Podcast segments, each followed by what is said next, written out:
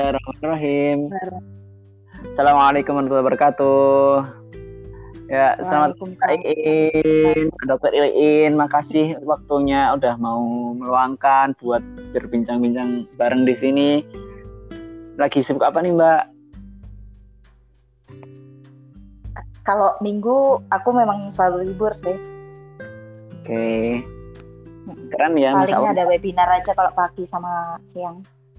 Masya Allah emang Mbak ini salah satu dokter panutan juga ketika weekdays waktu yang dicurahkan buat pasien ketika weekend waktunya nggak habis-habis diberikan buat investasi lahir ke atas kayak gitu jadi buat teman-teman semuanya kalau misalnya kepo bisa langsung tanya-tanya beliau di at INMS gitu oke okay. oke okay.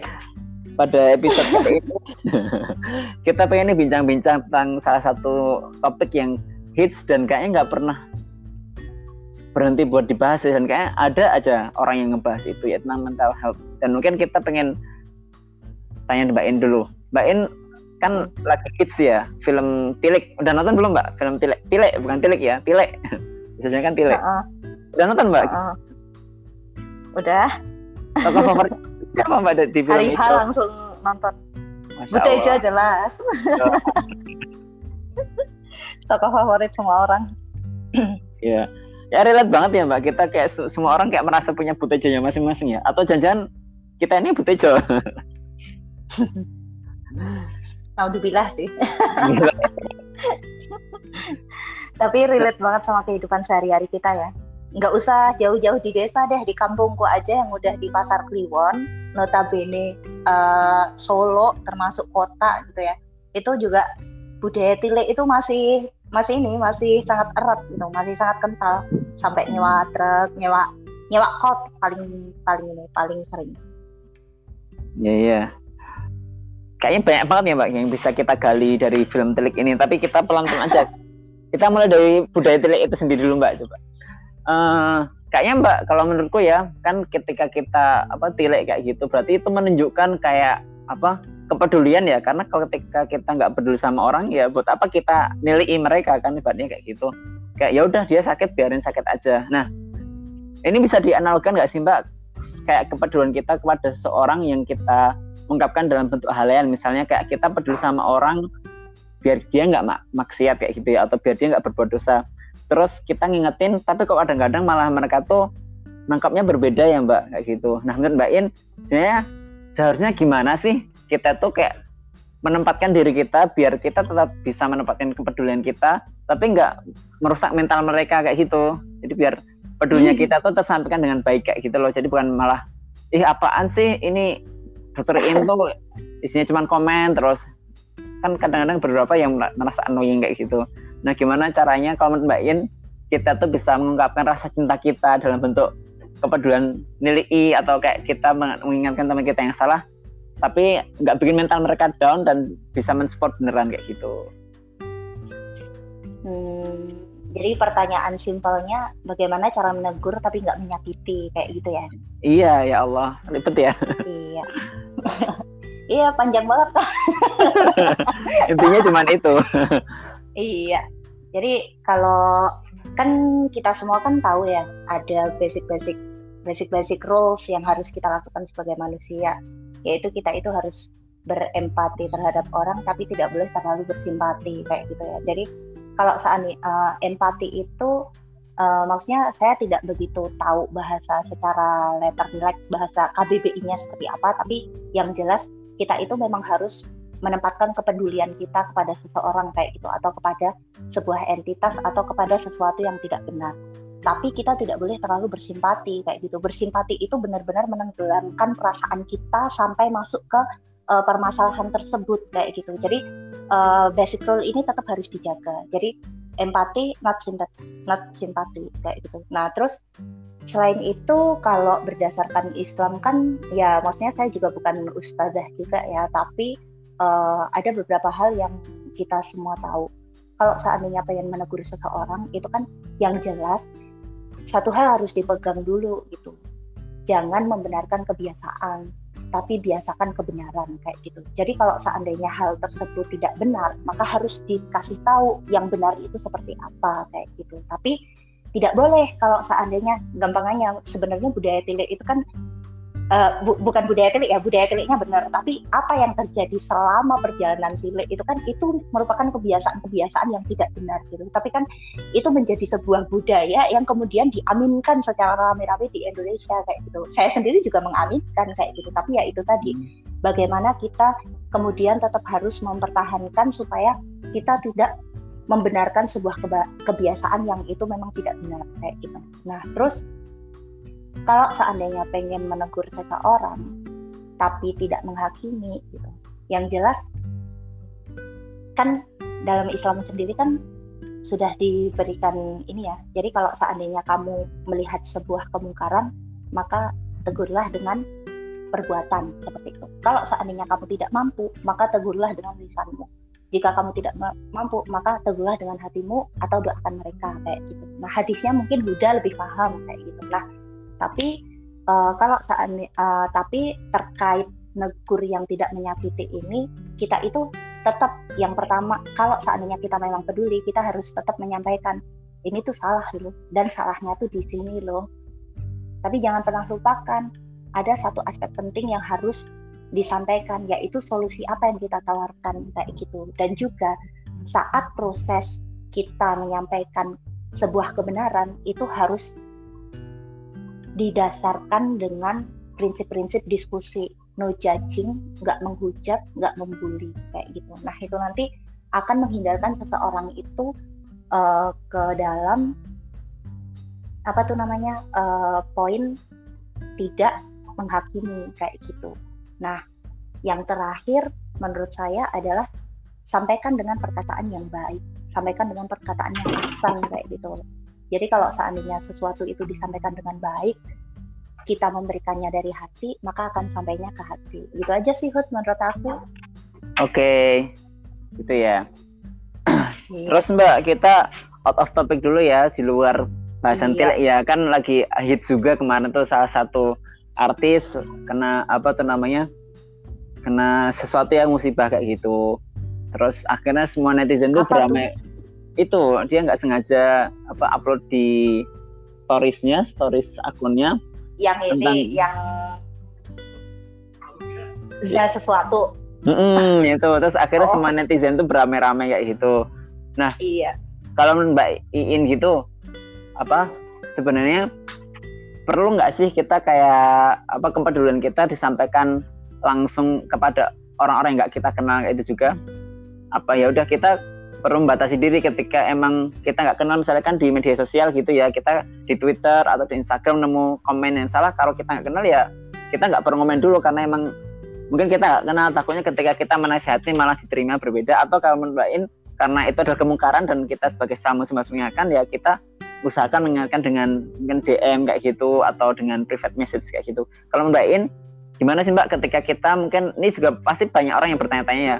Seberapa kalau misalnya kayak sama teman sendiri kan mungkin gampang ya kita mengingatkan sama teman sendiri kita ajak makan mungkin terus kita uh, ngobrol-ngobrol kayak gitu. Nah seandainya orang-orang asing itu kalau menurut Mbak In itu kita perlu nggak sih mengingatkan mereka? Atau ya udah kan kita nggak kenal-kenal banget biarin aja gitu. Oh, jadi pertanyaannya bagaimana meluruskan kemungkaran yang sudah menjamur seperti itu ya? Yang menjamur dan orangnya tuh objeknya tuh kita nggak kenal Sudah dekat kan.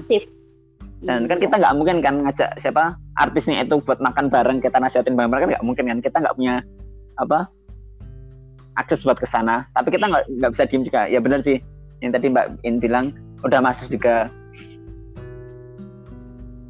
Nah kita kembali lagi ke hadis yang tadi. Kalau seandainya kita bisa melakukan sesuatu kita harus melakukan dengan perbuatan which mean Huda harus melihat kapasitas Huda itu sebagai sosok yang seperti apa atau kapasitas Mbak Iin sebagai sosok yang seperti apa.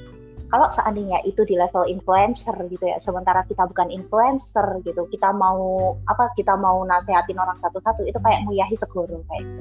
Ya kan?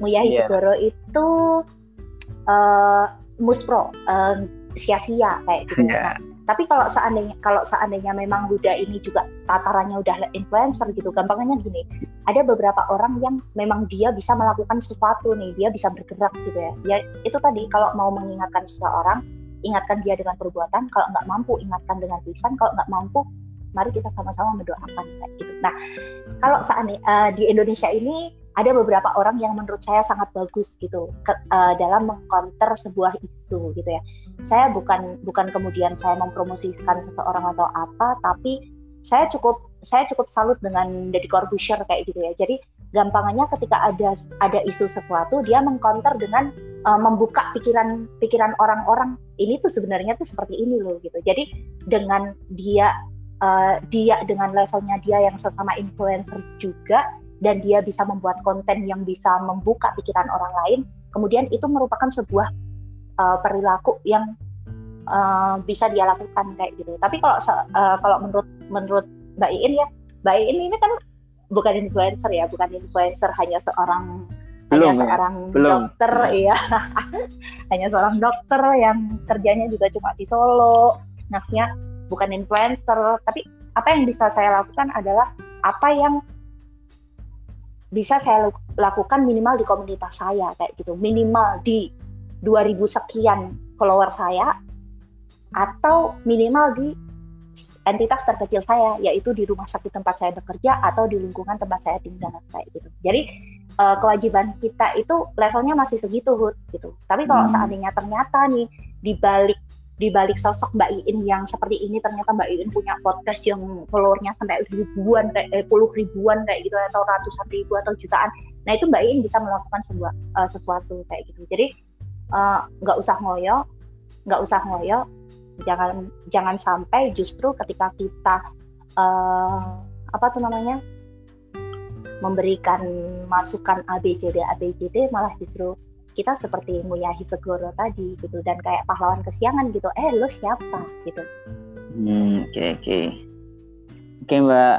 Oke kita balik lagi ya mbak ke kisah Tile ya. Tile kamu kayaknya lagi seneng banget sama kisah Tile ya Padahal menurut aku daripada kisah Tile yang lebih relate sama mental health tuh it's okay not to be okay itu lebih ngehits loh. Karena Korea mbak jadi oh, gitu karena ya? Korea kan butuh waktu lama ya. Jadi Untuk kemarin belum ya? sempat nonton. oh gitu ya. ya nanti insya Allah oh, udah aku nonton nanti kita buka sesi yang kedua ya mbak kita bahas satu persatu oh, mental gitu. yang di sana gitu isu-isunya. Aku malah aku malah justru kenapa kita nggak bahas tentang uh, apa tuh namanya struktural rumah sakit Put? Aku bisa menjelaskan dengan sangat baik loh tentang struktural rumah sakit. Oke, okay, bisa Mbak nanti. Eh, nanti tetap rekod ya. ya.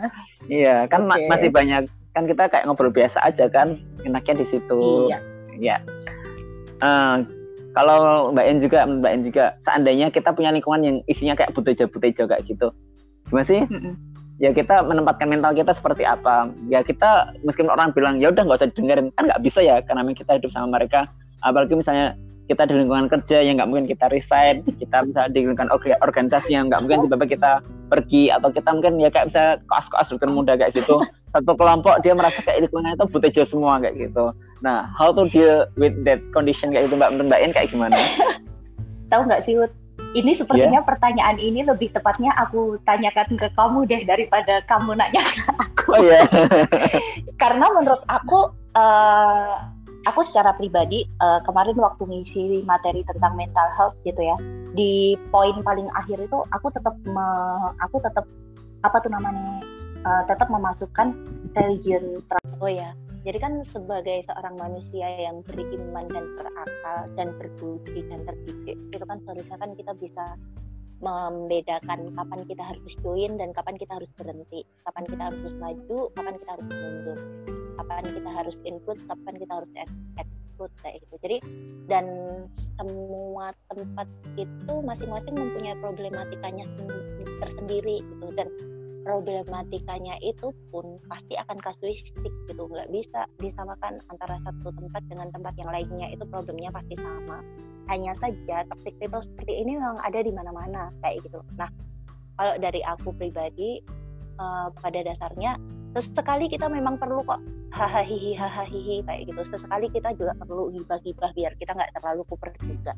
Tapi kapan ranah gibah itu udah mulai ngehujat orang saat itu kita udah harus berhenti kayak gitu. Jadi kita harus tahu kita harus berhenti kayak gitu. Nah terus sesekali kita hahaha menertawakan kebodohan-kebodohan perilaku kita kita juga boleh gitu. Tapi kapan kita harus selesai dengan obrolan seperti itu kan kita juga harus tahu kan kayak itu aja sih Hud. Tadi ngomongin apa ya? Ngomongin kalau kita punya lingkungan kayak Butejo. Mm -hmm. ya kita harus bersikap seperti apa kayak gitu. Ya itu bersikap seperti itu. Kita harus tahu kapan kita harus berhenti. Kita boleh kita boleh ikut tapi kita harus tahu kapan kita harus berhenti kayak gitu. jadi karena kan uh, nor basic normal uh, basic normnya kan kita kan udah dapat ya. Norma itu kan ada banyak. Ada norma adat ada norma susila ada norma agama ada norma budaya dan lain sebagainya. Intinya segala hal yang udah diajarkan kepada kita sebagai manusia yang pasti sudah lulus SMP itu SD lulus SMA itu kan pasti udah terdidik ya selama 12 tahun ya. Dan norma-norma basic itu kita udah pernah dapet dulu waktu kita zaman kecil. Ya udah terapin aja apa yang udah diajarkan oleh guru-guru kita saat itu. Kalau memang toxic people-nya terlalu toxic dan itu sampai mengganggu kita hingga apa tuh namanya kita keselimur dari visi misinya visi misi yang yang yang kita pegang kayak gitu. ya kita harus menjauh stay away from toxic people. Tapi boleh sesekali biar nggak terlalu kuat. Boleh sesekali hari tapi kalau udah sampai ranah menghujat itu udah dosa ya jadi emang harus berteman sama mereka ya mbak ya iyalah nggak ada satupun eh nggak ada satupun yang membenarkan kita untuk membenci orang lain loh. Oke. Bahkan ada... bahkan Rasulullah aja memaafkan seseorang yang selalu meludahi dia, yang selalu mengejek-ngejek dia, yang selalu melempar dengan kotoran hewan loh. Maksudnya kita itu kalau kita itu mendapatkan perilaku nggak enak kita aja harus memaafkan. Dan nggak ada satupun alasan untuk kita balik jahat sama orang lain gitu. Apalagi orang toksik kita tuh nggak ada kita tuh nggak ada hak sama sekali untuk menjelek-jelekan toxic people gitu. Ya kita kita stay away aja. Nggak nggak nggak nggak boleh benci nggak boleh ini. Ya udah stay away aja. Hmm. Berarti kalau misalnya kita punya lingkungan kayak gitu ya kita jaga jarak aja ya mbak. Ketika emang mereka udah mulai tadi yang bilang mbak In iya. mulai menghujat ya udah kita izin dulu forumnya kayak gitu ya. Iya kan banyak hal yang bisa kita lakukan sih maksudnya sama-sama punya 24 per 7 McDonald bisa bikin McDonald seseorang bisa bikin Kentucky hingga se KFC hingga sekeren itu kita ini belum apa-apa gitu Oke. Okay. Banyak hal yang bisa kita lakukan selain meladeni mulut-mulut.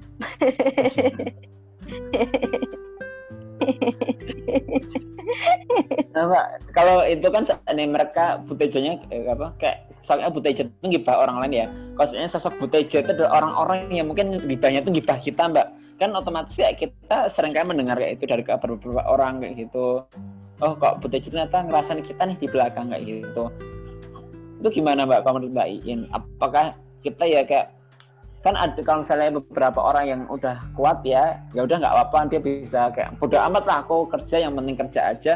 Dia mau gibah mau ngehujat ya terserah yang penting kerjaan benar.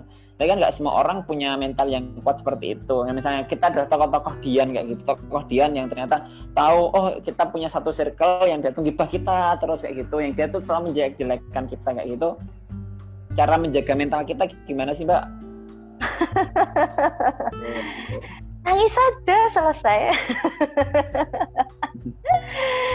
Which means maksudnya bahkan seorang saya aja waktu pertama kali koas itu di stase ke dua kalau nggak salah.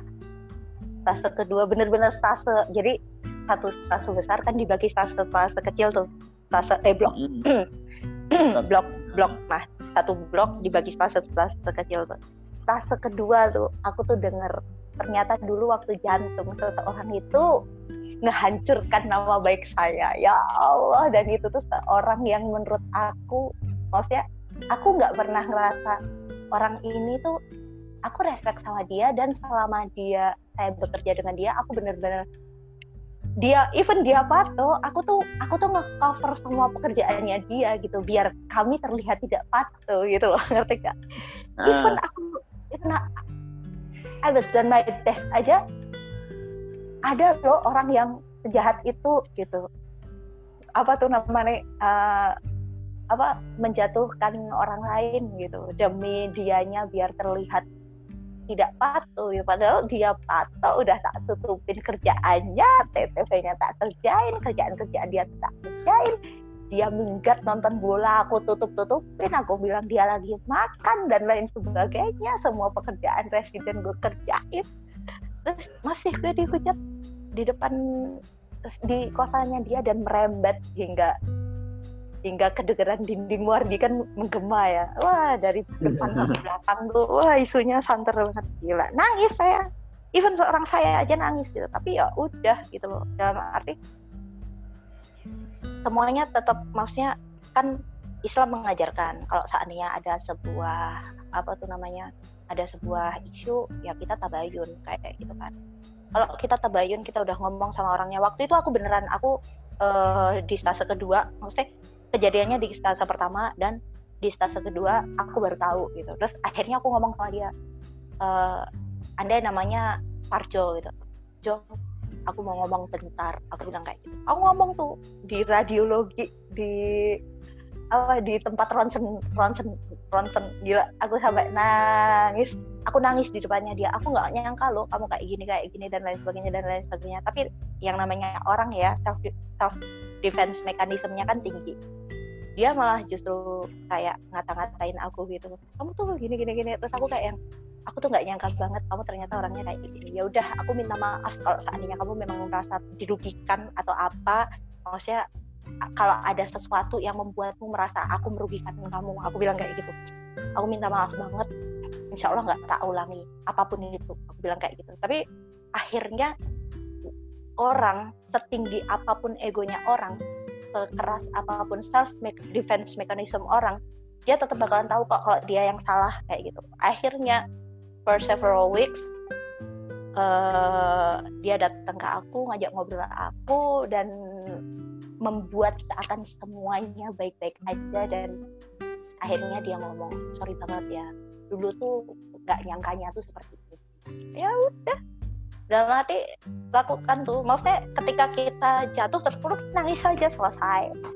Nangis curhat sujud ngaji nggak masalah gitu. Tapi ada ada hal yang harus kita lakukan setelah itu yaitu tabayun. Tabayun selesai tugas kita adalah tabayun. Tabayun clear ya sudah semuanya selesai. Tabayun nggak clear ya udah kita cukup minta maaf kita maafkan orang itu. Biar apa pun yang terjadi di luar kuasa kita kita serahkan sama Allah. Biar Allah yang ngasih hukuman ke dia, ngasih pelajaran ke dia. And finally, asal lo tahu, dia satu-satunya orang gak ngerti ya, tapi selama satu blok bareng sama aku, dia selalu ngulang ujian. Dan tahu nggak? Dan tahu nggak? Di blok yang aku dirugikan itu, aku tercetak sebagai koas pertama yang langsung lulus sama dokter Nini. Padahal sebelumnya selalu prolong kalau sama dokter Nini. Koas yang bareng sama aku tiga orang yang ujian sama dokter Nini prolong semua, aku nggak prolong. Dalam arti yang harus kita lakukan kan tugas kita kan hanya taat melakukan apa taat berbuat baik dan apa taat berusaha untuk selalu baik kayak gitu. Jadi ya sudah kalau seandainya kita udah berbuat baik Allah tetap bakalan ngasih ini kok ngasih ngasih ngasih sesuai dengan apa yang kita usahakan gitu loh. Gitu. nah ini menarik mbak dari poinnya mbak E ini jadi kan mbak E pada akhirnya ya udah berusaha menyelesaikan masalahnya dan kayak berusaha khusnudan Allah yang bakal balas ya mbak. Ini aku nggak kan? bahkan sorry itu saya aku bahkan nggak aku bahkan nggak sama sekali mendoakan Allah balas dia loh. Maaf ya. Maksudnya aku benar-benar enggak aku benar-benar yang ya udah aku minta maaf sama kamu intinya aku nggak akan mengulangi kalau seandainya ada sesuatu yang benar-benar membuat kamu tersinggung atau kamu marah aku minta maaf. Bahkan aku sampai ngomong kayak gitu gitu loh. Even aku yang dirugikan ngerti nggak? Terus akhirnya yeah. setelah pulang dari situ kan aku nangis kejer tuh. Beneran dua jam aku nangis di depan cowok lo ini cowok bayang no.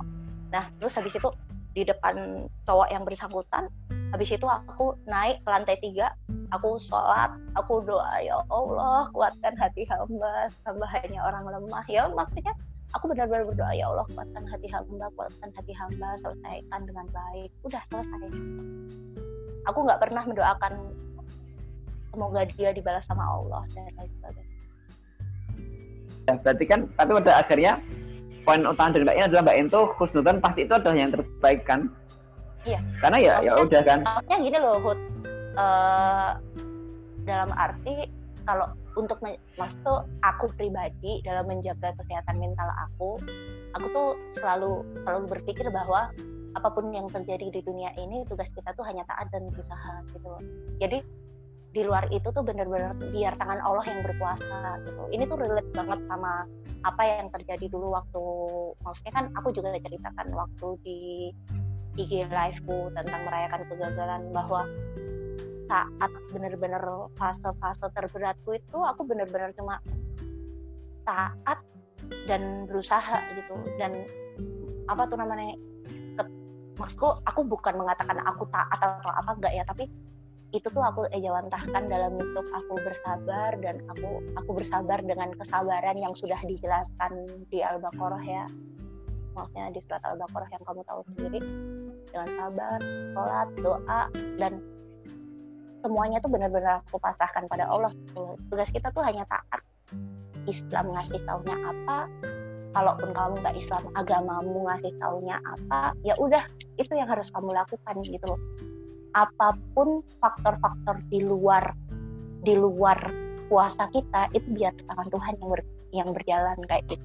Dan nyatanya ketika benar-benar nggak ada satupun nggak ada satupun doaku yang jelek ke suamiku tapi bener-bener deh apa pun yang dia tan apa pun yang dia tanam dia menuai semuanya gitu loh. Jadi kayak yang termasuk temanku ini ya temanku yang ini tadi dia menanam kebencian ke orang-orang akhirnya dia sendiri yang mendapatkan kebencian dari residen-residen kayak gitu jadi sampai dia nggak dapat tindakan dan lain sebagainya. Karena maksudnya orang kalau patuh kan lo pato gimana gue mau ngajarin lo gitu kan kalau residen ya iya. gitu. Dan itu pun nggak itu pun nggak harus lewat kita gitu loh. Maksudnya kalaupun seandainya kalaupun seandainya ada orang yang patuh kan gue baru uh, baru beberapa hari yang lalu baca apa uh, Twitter kamu. Ada KUPS yang tiba-tiba ada angkanya sendiri dan lain sebagainya itu kan. Maksudnya kalaupun seandainya ada teman yang patuh gitu daripada daripada nanti ditanya residen.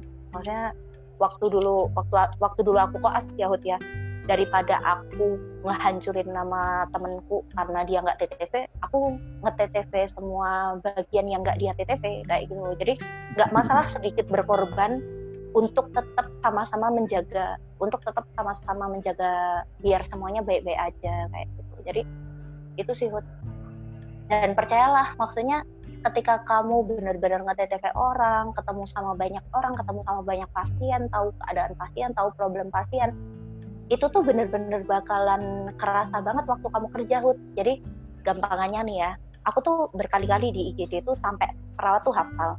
Kalau seandainya aku nanya, Mbak, tolong ya uh, temnya diulang, Mbak, tolong ya heart rate-nya diulang, Mbak, tolong ya ininya diulang. Itu karena apa? Itu karena bakatku nge-TTV dulu aku bener-bener nge-TTV tuh satu orang tuh bener-bener tak TTV beneran gitu jadi problemnya dia apa? Aku selalu nanya bu uh, sakit apa bu? Uh, bu saya saya saya cek dulu ya bu. Gimana bu kabarnya? Nenek mana bu yang sakit?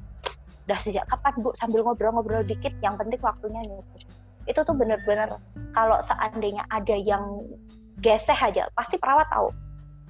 Ini ini kenapa dokter ini eh dokter ini ya aku kalau di rumah sakit dipanggil dokter ini ya. Ini kenapa dokter ini suruh pulang pasti ada yang nggak beres. Jadi dan itu tuh bermanfaat banget bermanfaat banget.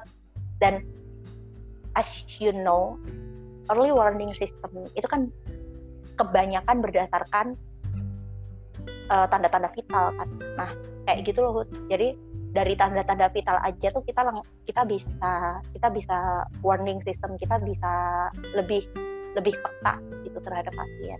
Dan itu gue pelajari waktu gue koas. kan kayak pesannya Mbak En tuh menurutku sama kayak hadisnya Rasul ya. Yang kalau aku lupa itu siapa tapi Rasul pernah pernah bersabda kalau ajaban di amril mukmin inna amrahu kullahu lahu khair walaysa dzakal ahadin ilal mukmin jadi kan sungguh menakjubkan perkara orang yang beriman. Karena semua perkara itu kan baik ya. Ketika dia dapat ke, apa dapat kebaikan dia bersyukur itu jadi kebaikan bagi dia. Terus ketika kita dia dapat keburukan dia bersyukur dan itu jadi kebaikan bagi dia. Nah tapi mbak kadang-kadang bagi beberapa orang tuh dia nggak mau meyakini hal itu. Karena dianggap itu bertentangan dengan konsep apa kesehatan mental. Karena kita Yo, kayaknya akhirnya kan apa istilah yang toxic positivity ya? Toxic positivity di mana ketika seseorang itu iya. selalu berhusnudon terus berhusnudon kayak berprasangka baik. Oh ini kita disuruh dorong pet karena bisa jadi ketika dorong pet kita jadi bisa dapat A B C D. Oh kita mau disuruh sama residen karena ketika kita disuruh residen kita bakal dapat A B C D. Kan kalau misalnya beberapa dari kita kan pasti kita bakal berpikir wah ya kita benar khusus karena suatu saat pasti ilmunya bermanfaat gitu. Tapi kan nggak semua orang punya apa nggak bukan semua orang tapi ada beberapa kayak yang kemudian bilang itu toxic positivity itu adalah salah satu sikap positif yang salah karena pada akhirnya menghancurkan mentalmu sendiri kayak itu. Nah, menurut Mbak In, anggapan toxic positivity itu gimana sih Mbak kayak gitu? Anggapan tentang toxic uh, anggapan gue ada gue ada dua poin nih. Yang pertama, anggapan kepada orang-orang yang menganggap bahwa itu toxic positivity. Ya udah terserah lu mau mikir apa gitu. Nah, terkait dengan toxic positivity-nya eh benar ya toxic positivity Posit ya terkait ya. Hmm. terkait toxic positivity menurut aku kita kembalikan pada konsep tilikan tilikan lo ngerti kan tilikan derajat tau, tilikan ada enam ya kan hmm. satu hmm. dua tiga empat lima enam mulai dari yang dia sadar dia sakit dan dia mau ber, dia mau periksa dan dia mau diobati sampai dia nggak sadar kalau dia sakit dan dia nggak mau diobati. Kayak gitu ya. Iya kan? Mbak. Eh, apa? satu tuh yang dia nggak sadar kalau enam tuh dia yang sadar nggak sih? Enggak aku aku aku nggak nyebutin satu yang apa enam yang apa. Oh, karena iya. mulai yeah, dari yang paling tinggi mulai dari yang paling tinggi dia sadar dia dia ish aku ulang ya. Mulai dari yang paling tinggi dia sadar. Aku nggak ngerti ya tingginya itu satu atau enam ya. Aku lupa. Mulai dari yang dia sadar bahwa dia sakit dan dia mau di, mau berobat dan dia mau diobati sampai yang paling akhir dia nggak sadar kalau dia sakit dia menyalahkan orang lain dan dia nggak mau diobati. Kayak gitu-gitu kan. Nah pada dasarnya kita harus maksudnya ini kembali lagi semuanya itu kasuistik gitu. Jadi problem seperti apa yang di hadapan kita yang ini tuh yang maksudnya gini kita ini kan orang terdidik ya. Kita itu tahu bahwa bahwa agama menggariskan seperti ini terus di bidang ilmu yang lain menggariskan seperti ini tapi aku rasa semua semua hal yang digariskan sama agama itu tidak akan pernah bertentangan dengan ilmu yang dibuat sama manusia. Maksudnya, bukan sorry sorry sorry, tidak akan pernah bertentangan dengan sains kecuali ilmu yang diada-ada oleh manusia. Jadi gampangnya kayak gini nih, kayak gini nih ya. Tak andainya ada orang KDRT, ya kan. Terus habis itu dia bilang, oh ini tuh ini tuh salah, ini tuh apa tuh namanya ujian dari Allah buat aku supaya aku jadi orang yang lebih sabar, lebih apa tuh namanya lebih lebih lebih mudah masuk surga kayak gitu kayak gitu kan Hud itu kan gampangannya yeah. kan iya. gampangannya kan ini sebuah kasus nih ada sebuah kasus nih dia KDRT terus kemudian dengan dengan dengan dia menjadi istri dan dia kena KDRT setiap hari dia merasa bahwa oh suaminya ini adalah salah satu uh, yang membuat dia naik imannya dan lain sebagainya dan lain sebagainya. Ini toxic positivity gitu dalam arti dia tuh nggak sadar kalau dia sakit, ngerti nggak? Jadi permasalahannya tuh bukan ujian ke dianya, tapi seberapa besar KDRT itu. Karena KDRT itu termasuk salah satu yang di, yang diperbolehkan seseorang wanita itu meminta huluk atau meminta, meminta cerai gitu loh. Jadi kalau seandainya dia dia tuh nggak sadar bahwa agama itu menggariskannya seperti ini loh kalau KDRT itu membolehkan seseorang itu minta cerai gitu loh.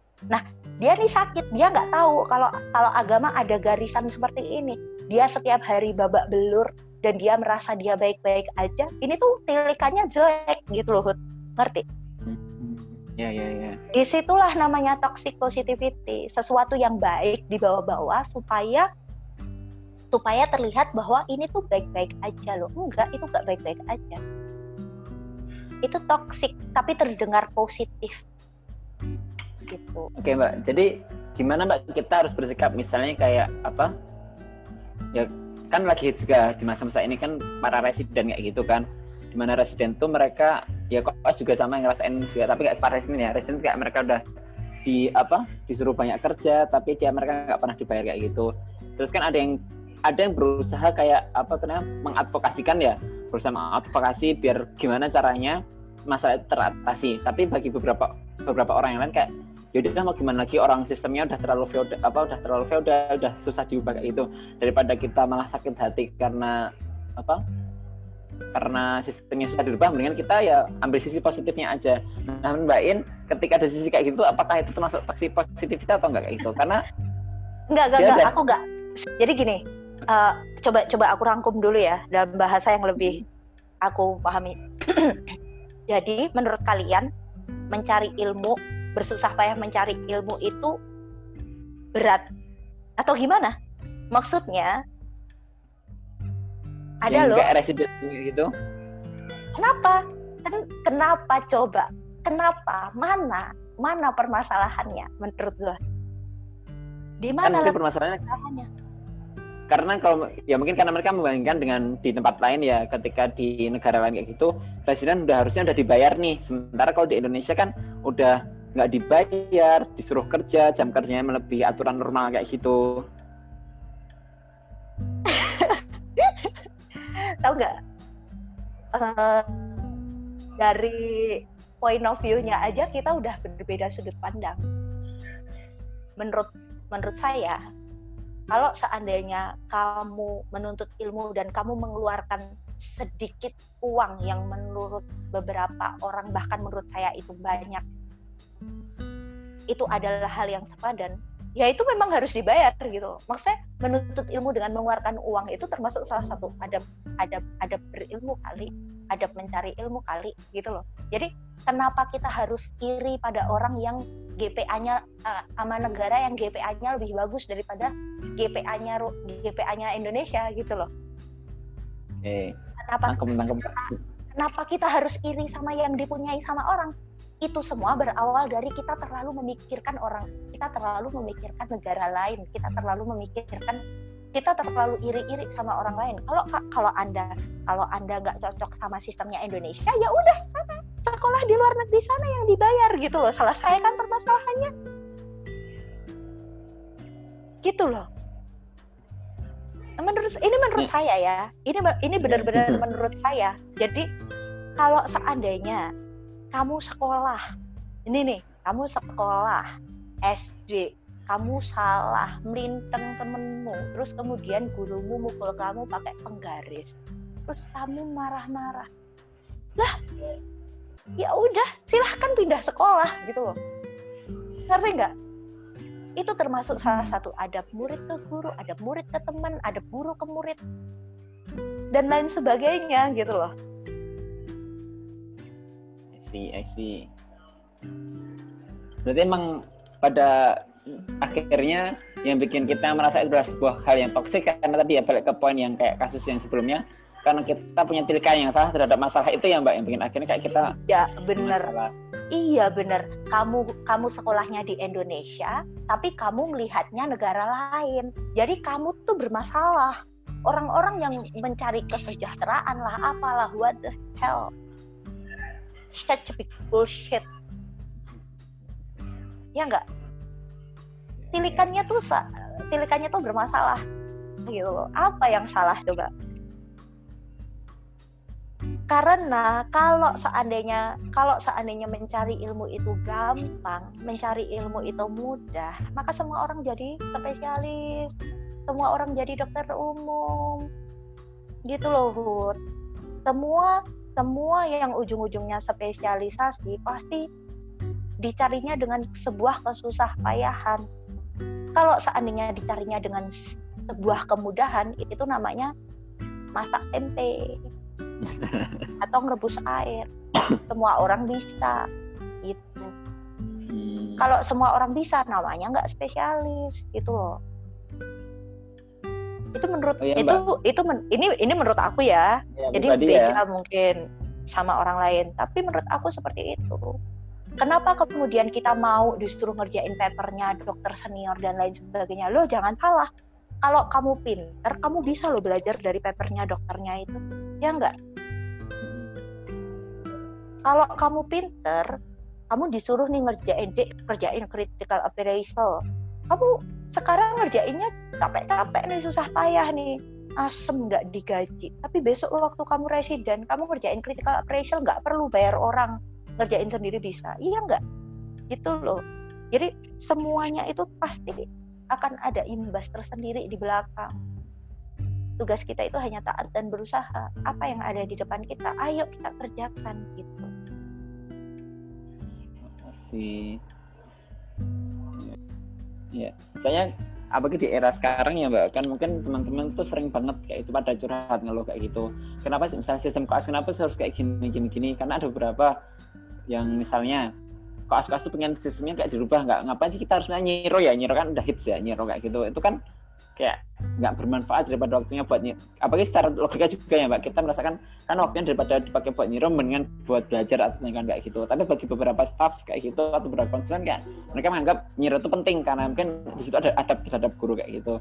Nah, nah itu udah tahu jawabannya nah itu kan dari bagi staffnya. Nah ternyata bagi sebagian teman-temannya itu mereka tuh menganggap kayak ih apa sih staffnya tuh kok dia masih kolot banget pemikirannya kalau misalnya waktunya nggak di, bisa dipakai buat yang lebih bermanfaat kenapa saya harus cuma nyiro nggak penting kayak gitu? Nah mungkin beberapa teman tuh merasa kayak gitu sehingga akhirnya kayak kita kita mungkin ada teman-teman yang menganggap oh ini ada adab kita sama guru itu dianggap sebagai toxic positivity juga kayak gitu. Seringnya kayak gitu sih yang dirasain. Jadi mah aku juga pernah tuh kan lagi ngerjain tugas di residen ya itu tak kerjain gitu disuruhnya 10 tak kerjain 20 kan terus biar Residen nggak nyuruh-nyuruh lagi lah sekalian aja aku udah males gitu cerita kayak gitu. Terus aku dimarahin dong sama temenku Hud kamu tuh jangan baik-baik kayak gitu udah residen ngeselin masih aja mau baikin kayak gitu. Terus kayak hmm, kalau segitu banget ya? Kan kalau aku kan nganggap ketika kita bantu residen siapa tahu nanti kita bisa dekat sama residennya. Terus suatu saat beliau udah jadi konsulen kita bisa hubungan lagi sama beliau. Tapi ternyata teman-teman yang itu enggak kayak mereka kayak anggap tugas kelas ya ini tugas kelas itu diajar residen bukan disuruh-suruh. Ketika kita disuruh ya di luar tupoksi koas ngapain sih kita harus mengerjakan sesuatu yang di luar tupoksi koas kayak gitu nah masih banyak ternyata mbak teman-teman tuh yang punya mindset yang kayak gitu Betul. Ya, mbak nanya ya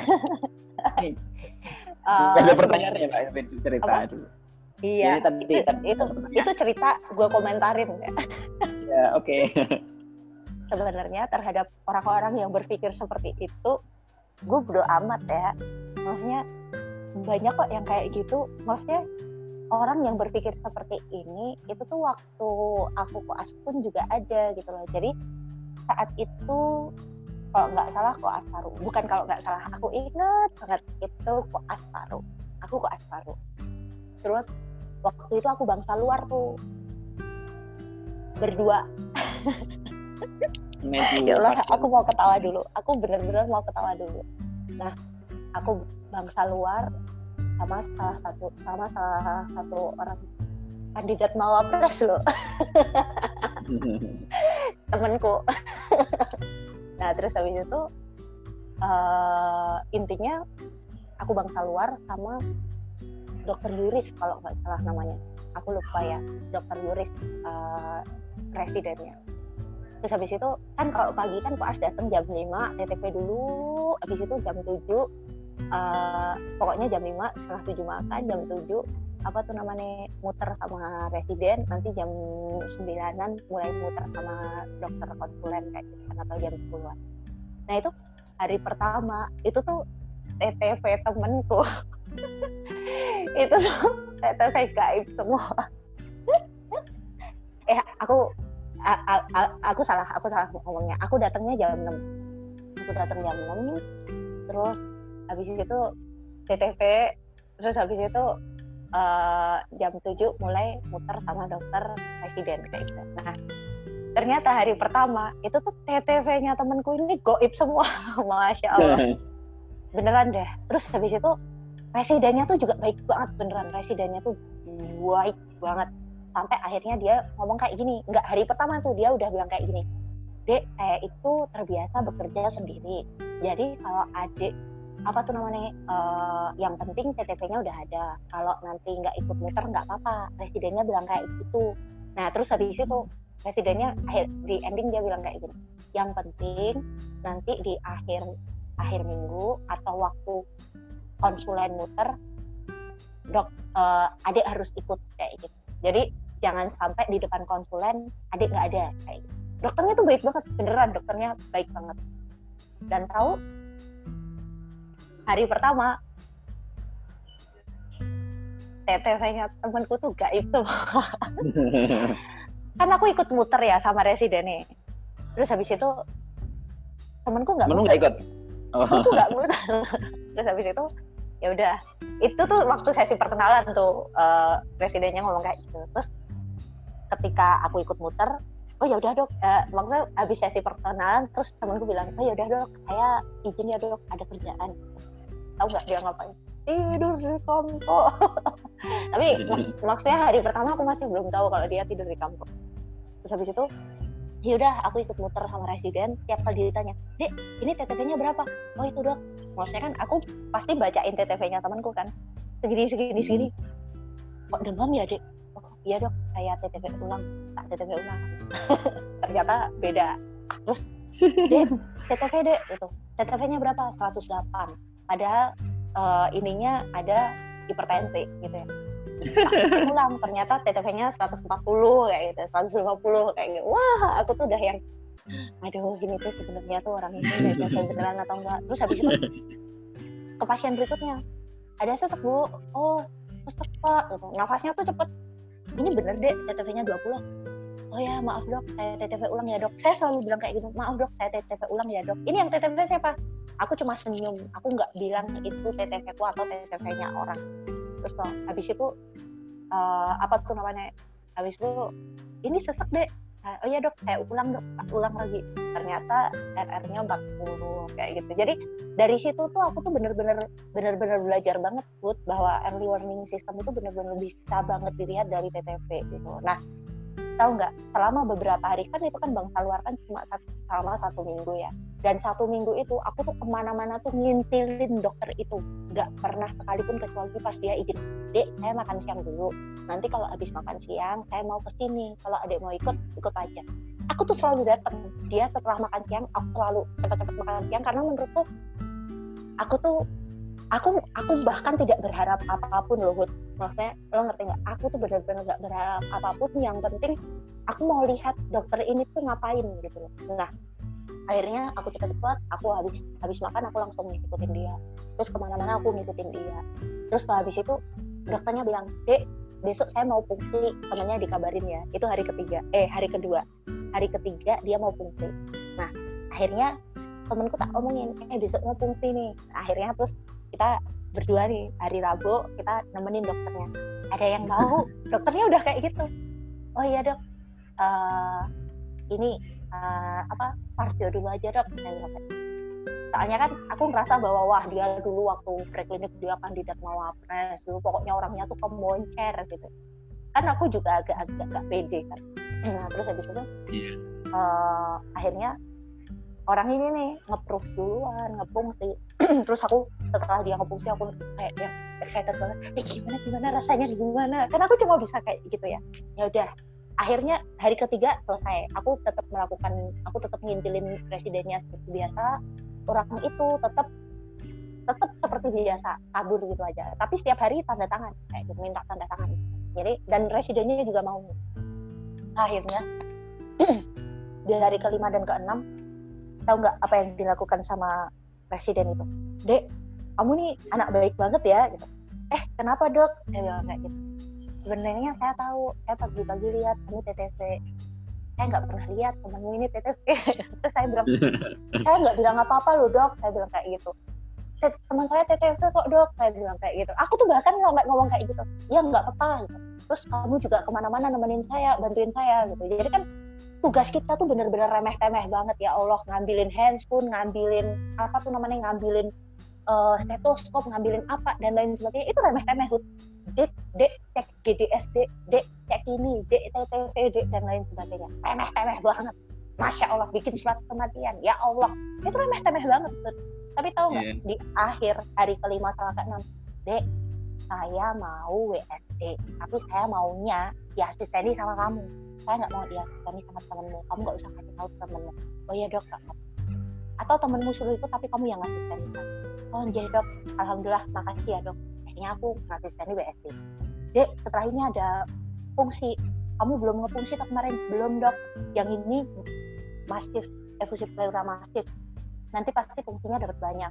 Kamu ngeproof dulu sesuai yang kemarin tak ajarin.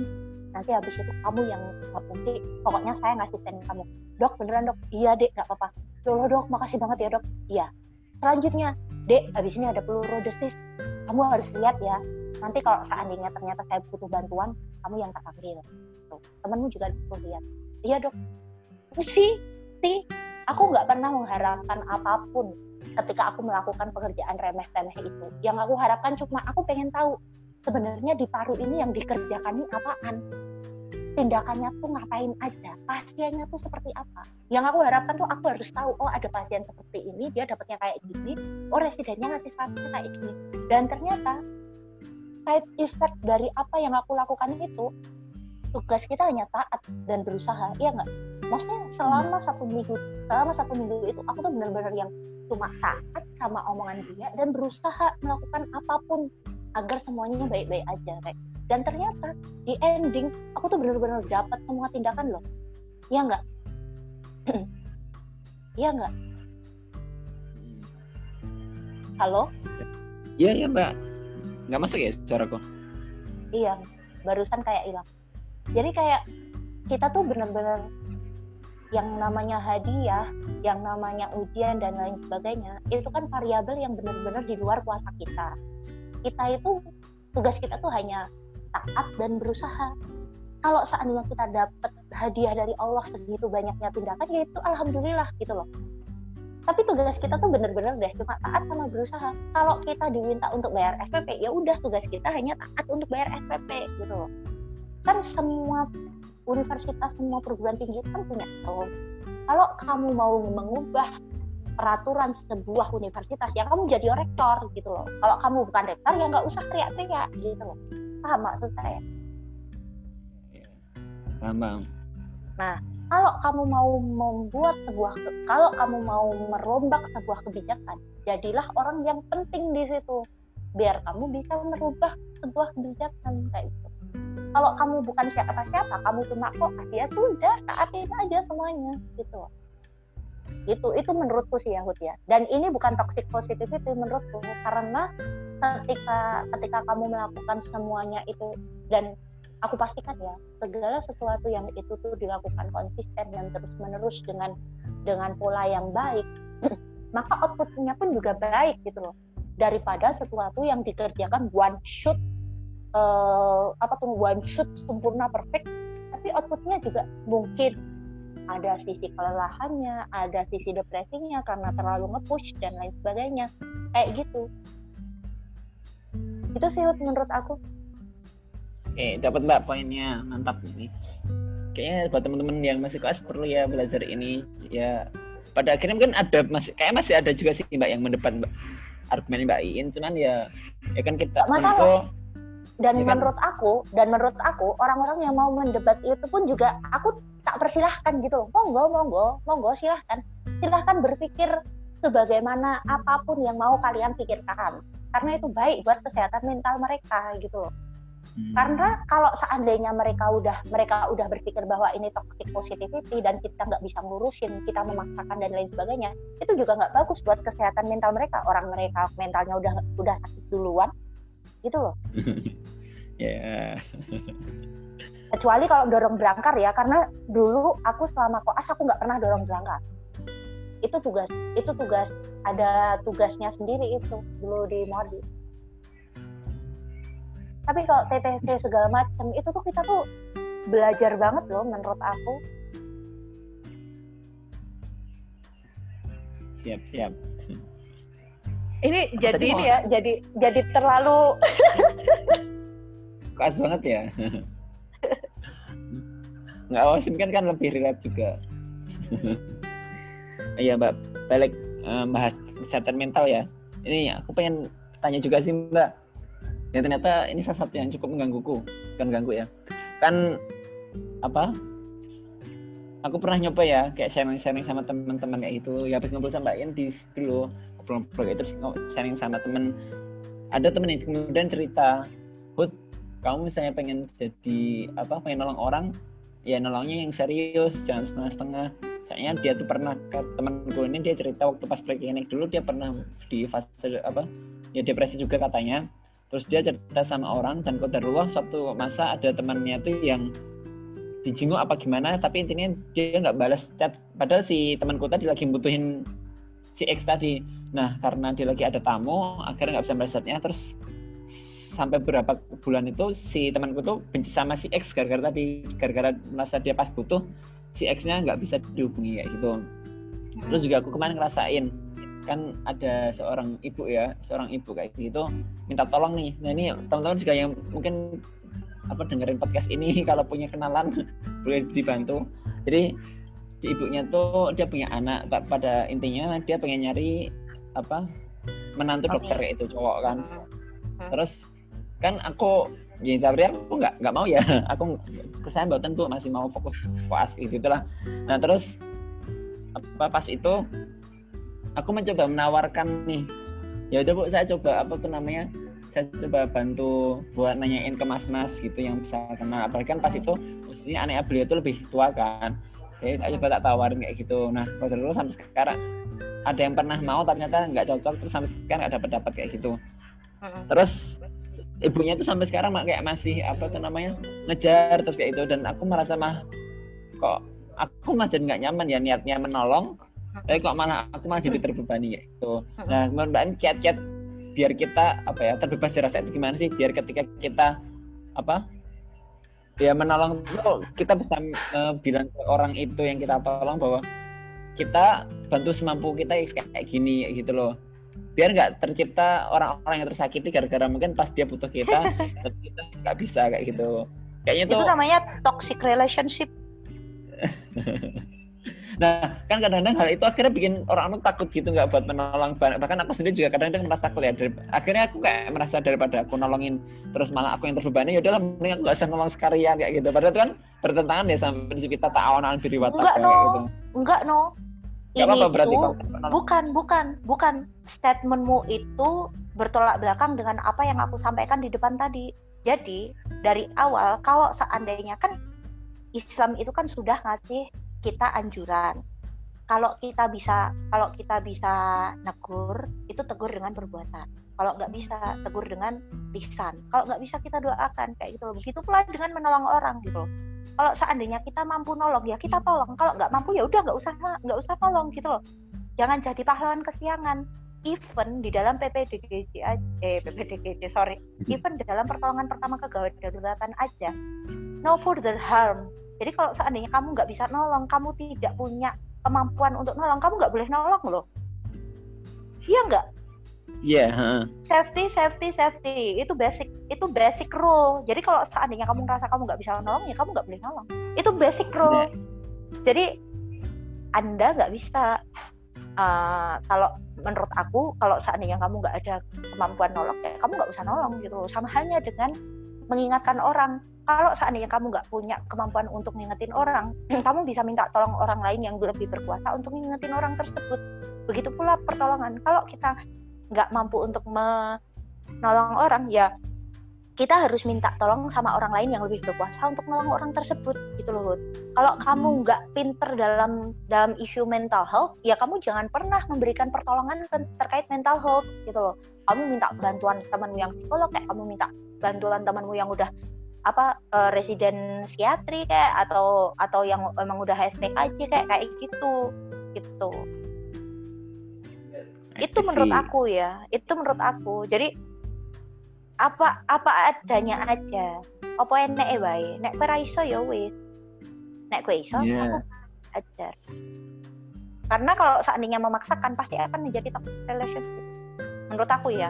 Dan alhamdulillah banget alhamdulillah banget sejauh ini maksudnya bagaimana kita memanage supaya pertolongan kita itu tidak sampai membuat kita toxic relationship itu itu benar-benar harus dijaga banget untuk apalagi kita orang-orang yang memang ber, ber apa bergerak di bidang kedokteran dunia kedokteran kayak hmm. ya ya ya nah itu mbak juga berarti apa kalau menurut mbak In ketika di posisi kayak gitu berarti kita harus mending apa kasih ke orang aja ya yang emang lebih kompeten kayak gitu ya? Iyalah.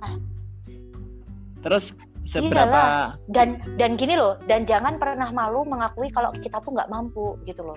Itu satu itu menurut aku kelemahan beberapa orang besar di luar sana gitu loh apa tuh namanya kurang bisa mengakui kalau dia tidak mampu tidak mampu terhadap sesuatu atau kurang bisa mengakui kalau dia melakukan kesalahan jadi dua hal ini itu yang sering menjerumuskan seseorang itu ke dalam hal-hal yang enggak enggak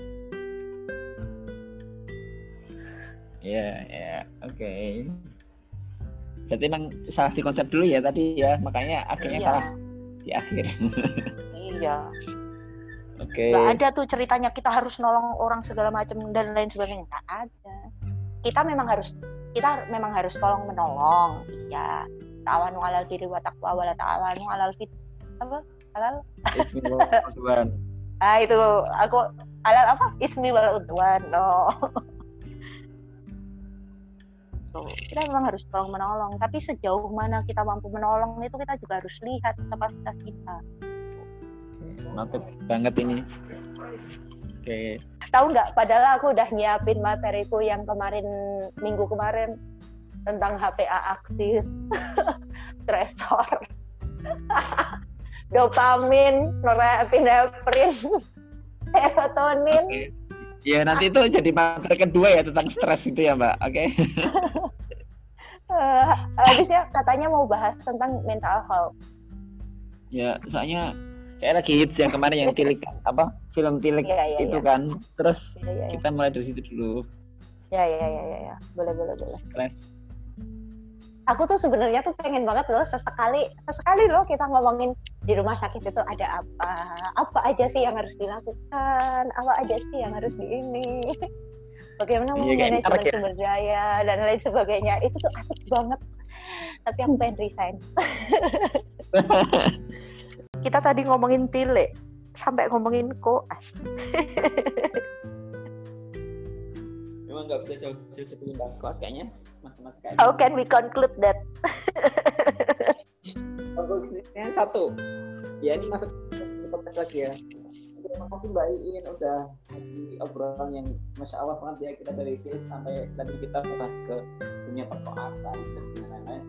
Tapi satu yang apa menarik dan paling adalah tentang tadi masa telekan dan sudut pandang kita sih. Jadi kita emang harus benar menempatkan sudut pandang ya. Jadi ketika apa misalnya tadi yang pertama misalnya kayak Mbak Ian ngajarin kita ketika manro amikum mengkaran fayugairu biyadihi jadi ketika kita pengen merubah sesuatu pengen mengingatkan kita harus punya kompetensinya dulu kayak gitu itu adalah salah satu sudut pandang yang akhirnya bisa kita terapkan di hal-hal yang lain kemudian juga tentang tilikan-tilikan yang lain tentang bagaimana syariat mengatur misalnya kayak kekerasan dalam rumah tangga ataupun ada kepada ulama sehingga akhirnya perilaku kita tuh ketika emang apa ya sudut point of view-nya udah benar bahwa kita melihat sesuatu itu dari sudut pandang agama, dari sudut pandang yang Allah ajarkan, ya itu bukan toxic positivity, tapi ya emang itu adalah sesuatu yang beneran positif kayak gitu. Nah, konklusi dari, yang apa dijabarin tadi, sebenarnya ada banyak hal yang nggak toxic sih, dan sebenarnya bagus buat apa nggak merusak mental health kita, cuman kadang-kadang karena kita dari awal udah salah memandangnya, akhirnya ya udah kita juga akhirnya salah menerimanya. Dan akhirnya hal itu menjadi salah buat kesehatan mental kita gitu. gitu nggak sih mbak konklusinya? Uh, konklusinya lebih ke ini sih. Dari yang pertama dari sudut pandang. Yang kedua adekuat uh, ilmu yang adekuat. Jadi kalau seandainya ternyata kita jadi gini, kita akan gampang banget ngomong itu toxic positivity kalau seandainya ternyata kita tidak menguasai bab itu gitu. Kayak tadi KDRT, wah Allah tuh mengajarkan kita apa tuh namanya sabar, sabar, sabar ini ujian bagi saya. Tapi ternyata Islam juga mengatur itu termasuk salah satu yang diperbolehkan seseorang meminta cerai kayak gitu. Nah itu kan dia tidak dia tidak dia tidak tahu ilmunya gitu sampai menganggap bahwa uh, ini tuh baik-baik aja kayak gitu. Jadi satu sudut pandang, dua ilmu yang adekuat. Mantap.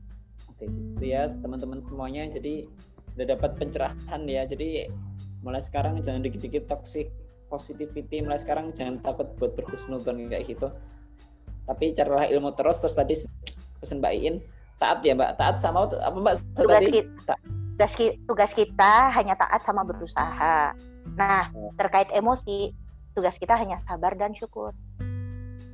Oke, ya ini ya bisa teman-teman bisa jadi quotes atau misalnya nanti nge-share di storiesnya masing-masing itu tugas kita adalah taat dan berusaha dan terhadap emosi kita cuma bisa sabar dan syukur ya gitu itu itu untuk pembahasan pertama kita tentang mental health nanti Allah ke depan kita rencanakan buat ngobrol lagi sama Mbak Iin buat bahas tentang stres juga ya Mbak Insya Allah ya. Yap. Sebenarnya harusnya hari ini ada stres cuman karena titik lagi kita ke yang hits dulu nanti ke depan kita jadwalkan lagi teman-teman soal di episode depan kita akan bahas tentang stres dan nanti juga karena Mbak ini adalah salah satu manajer manajer operasional ya di rumah sakit salah satu rumah sakit nanti kita akan bahas-bahas itu juga terutama buat teman semuanya kan ya mungkin nggak terlalu minat dia di, ya bukan nggak terlalu minat ya mungkin punya peminatan lebih di bidang-bidang manajerial kayak gitu. Nah Mbak In lah solusinya. Mbak In lah dari zaman mahasiswa udah segitu organisasi dan setelah pos dokter yang diurusin juga organisasi lagi manajerial lagi kayak gitu. Oke terakhir Mbak In mungkin ada closing statement ada pesan yang bisa dibawa pulang buat teman-teman semuanya? Nah, ya itu tadi ya terkait dengan mental health gitu. Jadi pada dasarnya awalnya kita mau membicarakan tentang mental health, tapi ternyata isu tentang pilih lebih menarik ya. Nah, terkait mental health, untuk menja untuk tetap menjaga kewarasan yang paling penting adalah bagaimana kita menempatkan diri kita dalam sudut pandang yang tepat dengan ilmu yang adekuat.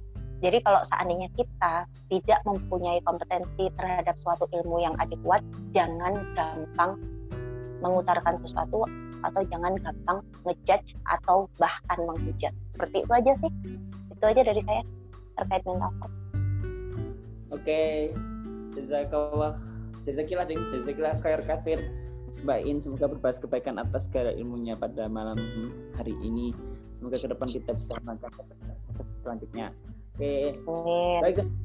Sudah selesai podcast kita dengan Mbak In. Ditunggu ya episode selanjutnya. Insya Allah kita akan bahas bareng lagi bersama teman-teman yang dan dalam dengan materi yang tidak kalah menarik. See you. Wassalamualaikum warahmatullahi wabarakatuh.